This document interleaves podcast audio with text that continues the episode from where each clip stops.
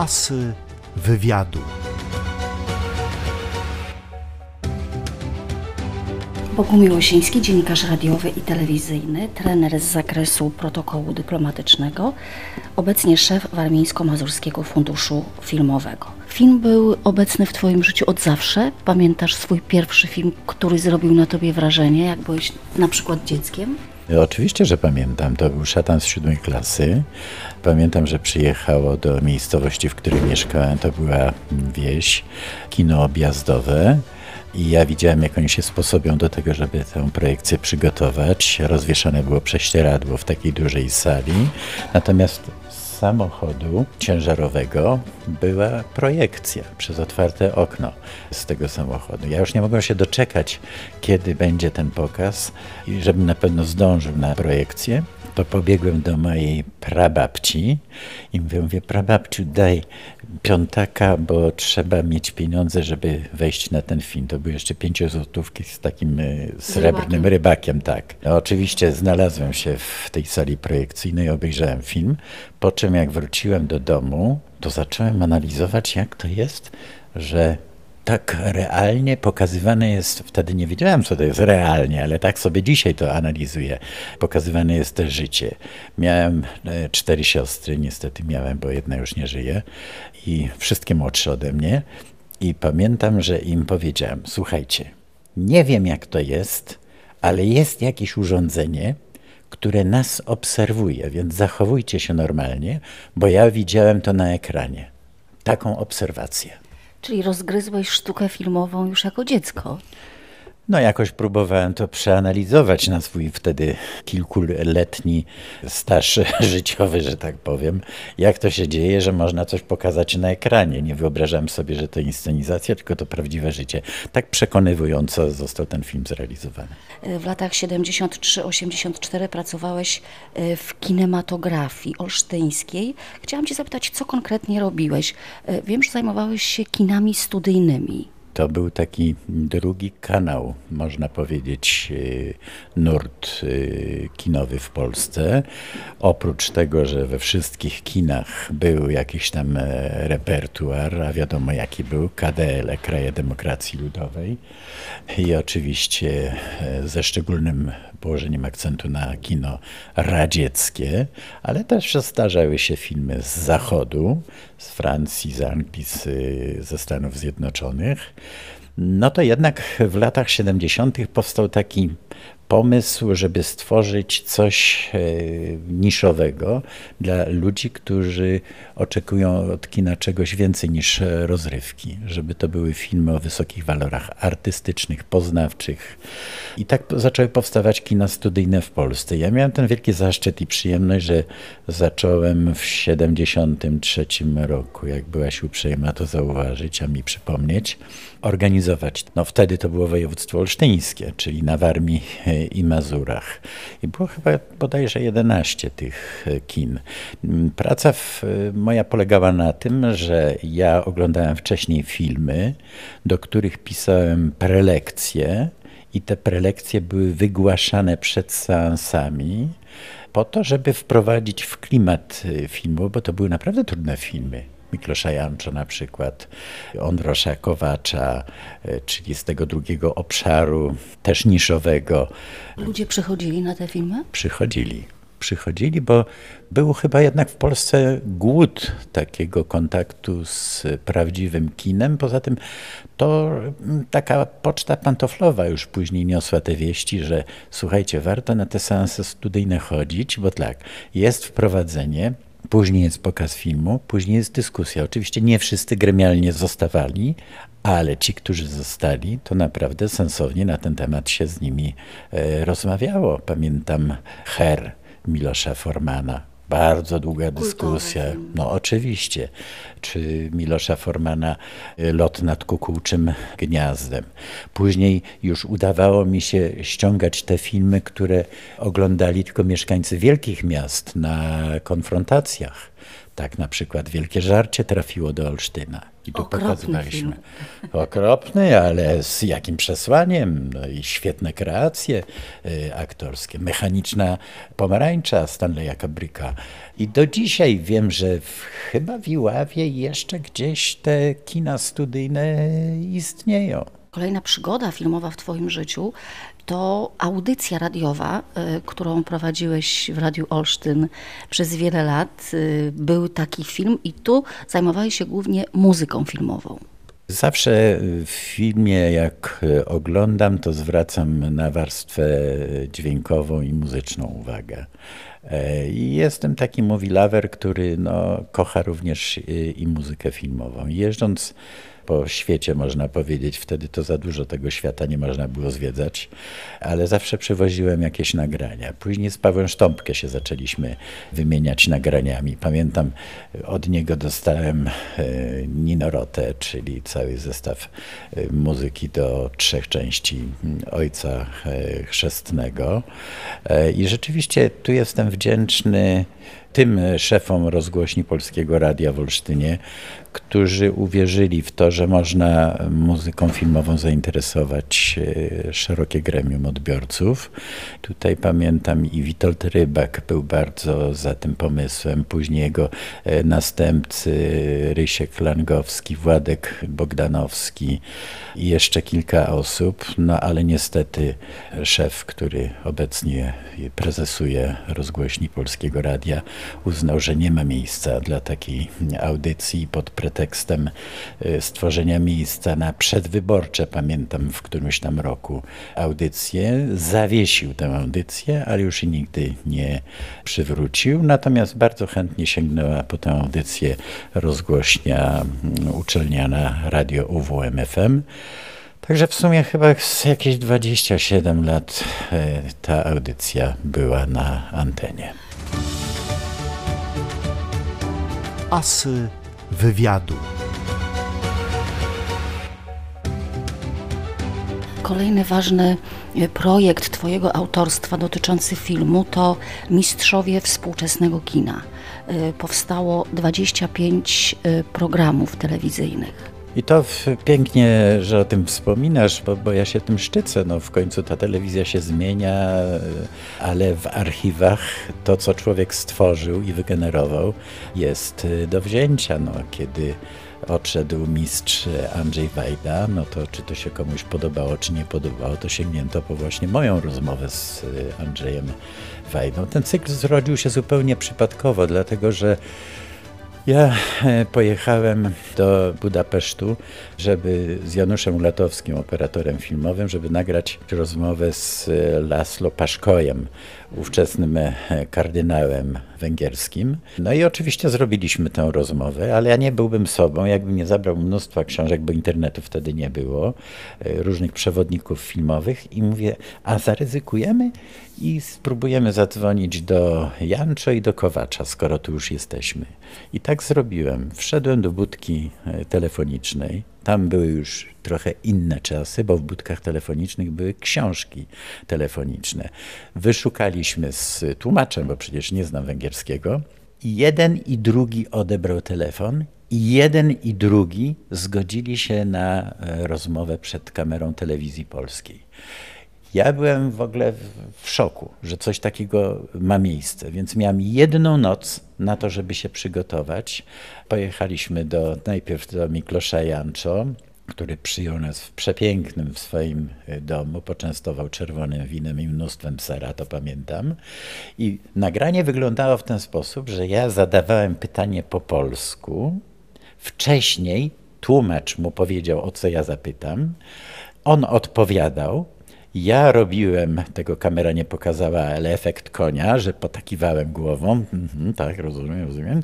Po czym wyłączaliśmy kamerę, szybko tłumacz mi streszczał to, co on ten i tak powtarzaliśmy ten wywiad do końca. Podobnie też było z Ondraszem e, Kowaczem, który od razu pamiętam, że przestrzegł nas przed tym, że słuchajcie, tu się mogą dziać straszne rzeczy w tym domu. A ja mówię, dlaczego? A no dlatego, że tu była kiedyś kostnica. No to jak powiedział, to już filmowo, to film grozy i tak dalej. Nie, ale też w taki sam sposób była nagrywana ta rozmowa i wróciłem do Polski i zgłosiłem się wówczas, był chyba Józef Węgrzyn, szefem dwójki i mówię, czy on nie chciałby takich rozmów z różnymi reżyserami, bo ja mam dwa takie materiały. No i wymyśliłem to tak, że będę przedzielał to fragmentami filmów.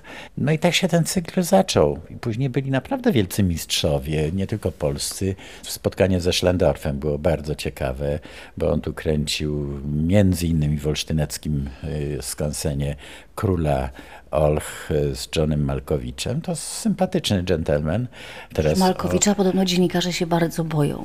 Ja się nie bałem, tylko mnie zaskoczył jedną rzeczą, że jak z nim rozmawiałem, to zapytałem go w pewnym momencie, jak on później ocenia siebie na ekranie. A on mi powiedział, że on w ogóle nie chodzi do kina i w ogóle nie ogląda żadnych filmów, a tym bardziej filmów ze sobą.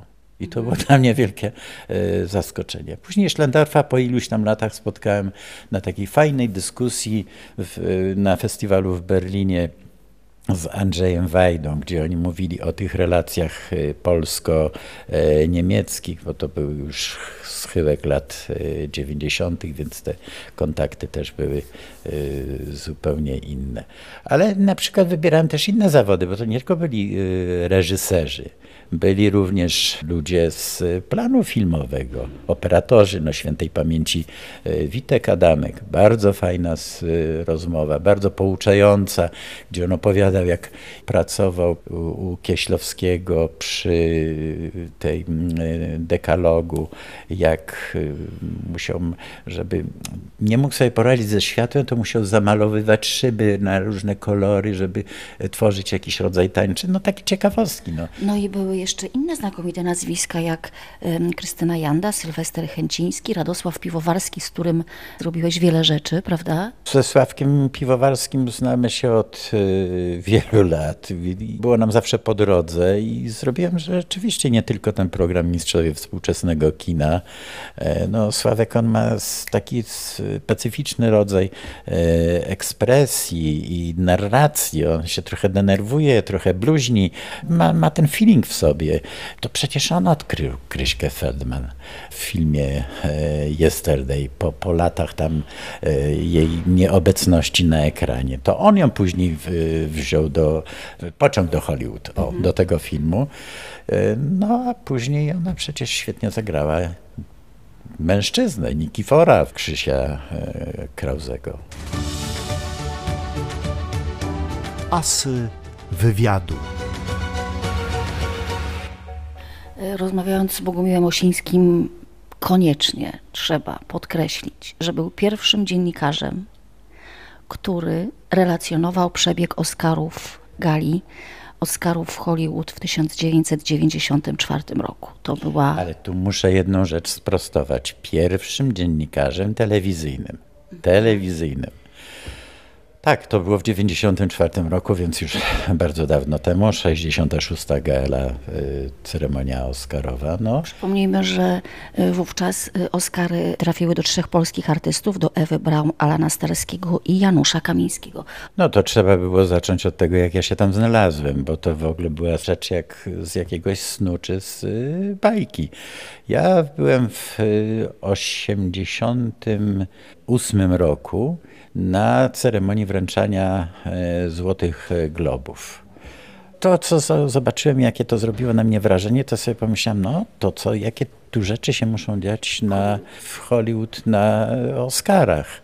Co roku pisałem do tej Akademii Telewizyjnej y, prośby o to, żeby mnie akredytowała i oni zawsze odpowiadali, że nie, że przecież przekaz na Europę jest przygotowywany, co tam z telewizji polskiej, ktoś ma przyjeżdżać, po co nie ma takiej potrzeby. No i wreszcie przyszedł 93 rok, jest jesień późna i chyba w grudniu, bo wtedy trochę było to inaczej, ogłaszają nominacje. I wśród nominowanych jest czworo polskich współtwórców Stevena Spielberga, bo jeszcze była Ania Shepard, e, która robiła e, kostiumy. Ona statuetki nie dostała, ale nominowana była. E, ja napisałem do Akademii, no i oni tak już zaczęli, mięknąć i odpisali mi, że no dobrze, to prawda prawdopodobnie dostanę tę akredytację. Ja dostałem dosłownie na dwa tygodnie przed ceremonią wręczania, czyli to był marzec 94 roku i piorunem trzeba, ale to już telewizja się tym zajęła, trzeba było załatwić y, wizę i tak dalej. No i oczywiście powstał problem, no Osiński dostał akredytację, ale co on tam zrobi bez kamery? A ja mówię, to ja wezmę sam kamerę. Proszę mi dać tą kamerę. Ja z tą kamerą sobie poradzę. I wszystko to sam zrobiłem. To znaczy, to inaczej było. Zasady są takie, po wyjściu z, to wtedy w pawilonie Doroty Chandler były wręczane Oscary. Później są przyprowadzani wszyscy laureaci ze statuetkami przed rozstawione kamery. To już była wygoda, że można było za kamery zadawać pytanie i jakieś krótkie wywiady. No nie zupełnie takie krótkie, bo ze Stevenem Spielbergiem czy z Holly Hunter to były dość e, długie rozmowy. No a później było to, co najpiękniejsze, czyli prywatne spotkania, bankiety, kontakty, zdjęcia oczywiście. To u kogo byłeś na bankiecie? To znaczy tak, to się nie u kogo, tylko przy jakim filmie. No oczywiście u liście Schindlera, później pianino, fortepian, bo to jest polski tytuł. A jaka atmosfera panuje na takim bankiecie? To nie jest kwestia tylko bankietu, to jest również e, ten czas przygotowań. Oni na przykład myją elewację budynków, specjalnie czymś jakimś takim blikującym obsypują, jakby, no nie wiem, czy to brokat, czy jak to się tam nazywa, palmy są myte e, w w ulice, w jezdnie też coś jest wsypywane, że jak jadą samochody, to to tak blikuje, po, daje po oczach. E, poza tym e, no, sam ten podjazd tych wszystkich nominowanych i zaproszonych e, gości trwa dwie i pół godziny. I to jest bardzo długi czas i oni podjeżdżają w pewnych odstępach. Tam jest wszystko wyreżyserowane od początku do końca podjeżdża samochód, wysiadają znakomitości, obsługa odbiera kluczyki od samochodu, odprowadza, oni idą po czerwonym dywanie w kolejności. Ja miałem bardzo dobre stanowisko na, wzdłuż tego czerwonego dywanu. Jak szła Ewa Braun i nasza ekipa, to krzyknąłem brawo Polska, zacząłem bić brawo i ludzie zaczęli tak jakby zrozumieli, bo ja po polsku krzyknąłem brawo. Też bili brawo. Więc do dzisiaj z Ewą Braun jak się spotykamy, to ona mówi, weź usztypnij mnie, czy myśmy tam na pewno byli. Ja mówię, Ewa, przecież ja ci dałem nawet wtedy kasetę VHS. Ja mówię, to sobie obejrzyj. Ona mówi, to zrób mi teraz DVD, żebym ja mogła sobie jeszcze od czasu do czasu na to e, popatrzeć. Ile e, razy byłeś na festiwalu filmowym w Berlinie? Nie wiem, bardzo dużo, ale to chyba teraz dokładnie to byłem 27 raz. Cały czas jeździsz tam z ochotą, z entuzjazmem, z zainteresowaniem? Cały czas z ochotą, tylko jednego roku nie byłem, właśnie wtedy, kiedy w 94 roku pojechałem na Oscary. To były Oscary 93, bo teraz jest normalnie w roku 2021, Oscary będą za rok 2021, a kiedyś było inaczej. Uważam, że to jest jeden z najlepszych e, europejskich festiwali i to jest pierwszy festiwal w roku, który jakby rzutuje na to, co będzie jakie będą trendy, co będzie ważnego w światowym e, kinie, bo to jest e, olbrzymi przekrój tematyczny. Jest bardzo dużo filmów w konkursie, no i zawsze około, około 500-600 filmów w różnych sekcjach informacyjnych, w przeglądach tematycznych, no, w takich rzeczach, które nie konkurują ze sobą, ale jednak są prezentowane. Asy wywiadu.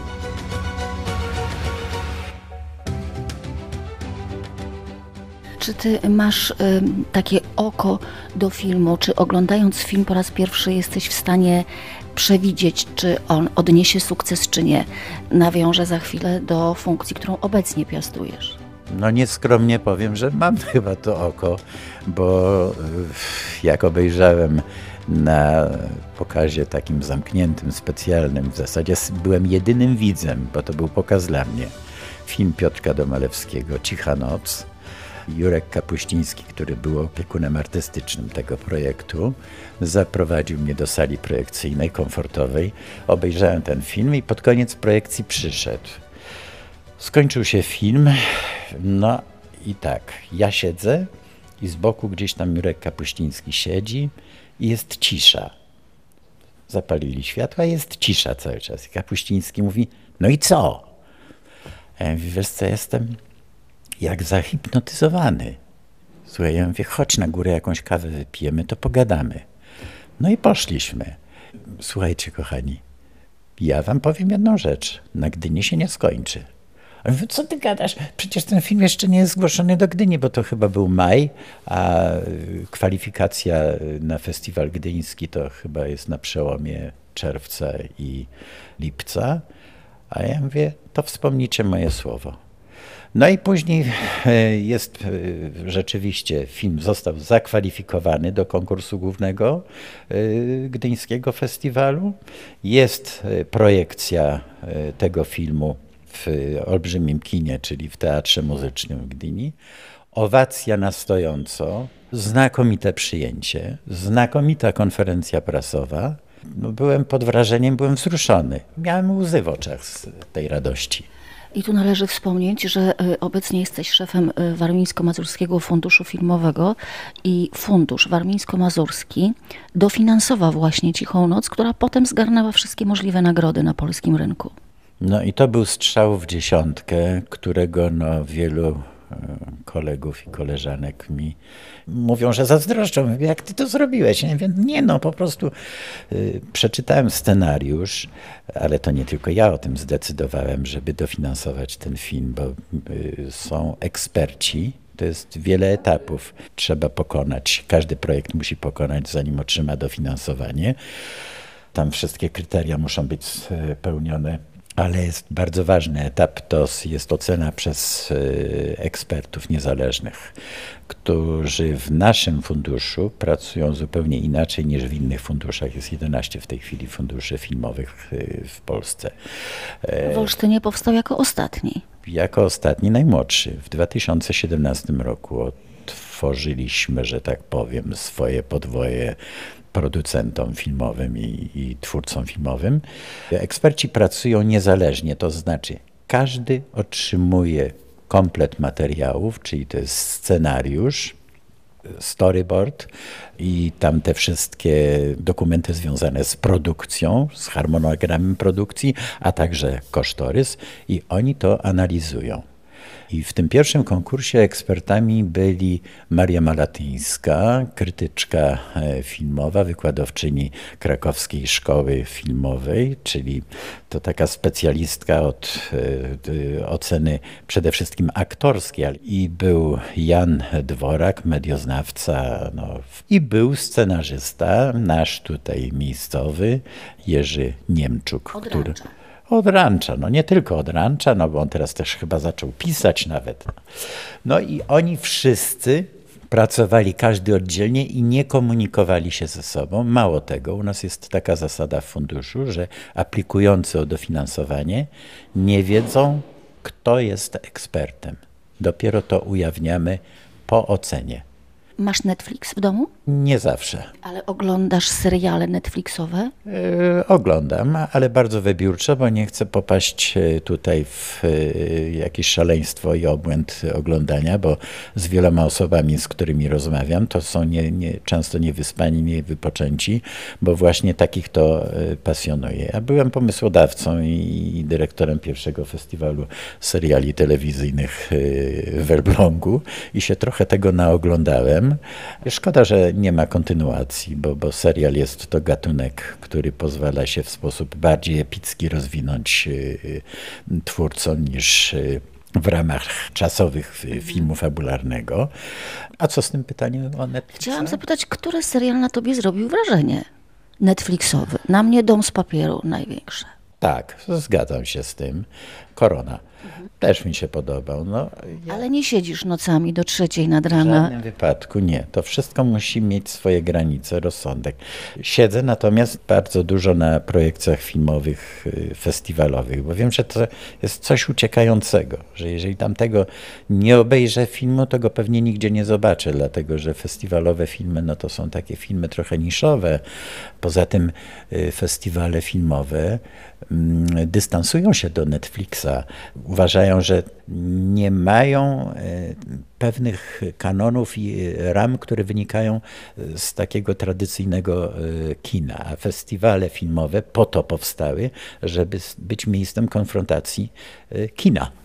Dziękuję za rozmowę i życzę, żebyś miał w dalszym ciągu dobrego nosa do produkcji, które e, będzie dofinansowywał w przyszłości Warmińsko-Mazurski Fundusz Filmowy. Cieszymy się, e, że taki fundusz powstał i czekamy na e, nowe, wspaniałe projekcje. Ja Ci bardzo dziękuję za to, żeś mnie zaprosiła do swojego programu. Program nazywa się Asy Wywiadu. O, to, to, to mocno brzmi. A co do tego nosa, to myślę, że następny film do Malewskiego bardzo, bardzo, bardzo przypadnie widzom do e, gustu. A był to film realizowany w lutym e, w zeszłym roku. No teraz jesteśmy w e, takiej sytuacji, w jakiej jesteśmy, więc nie możemy go mm, pokazywać, ale będzie uroczysta premiera, prapremiera mm, w Olsztynie.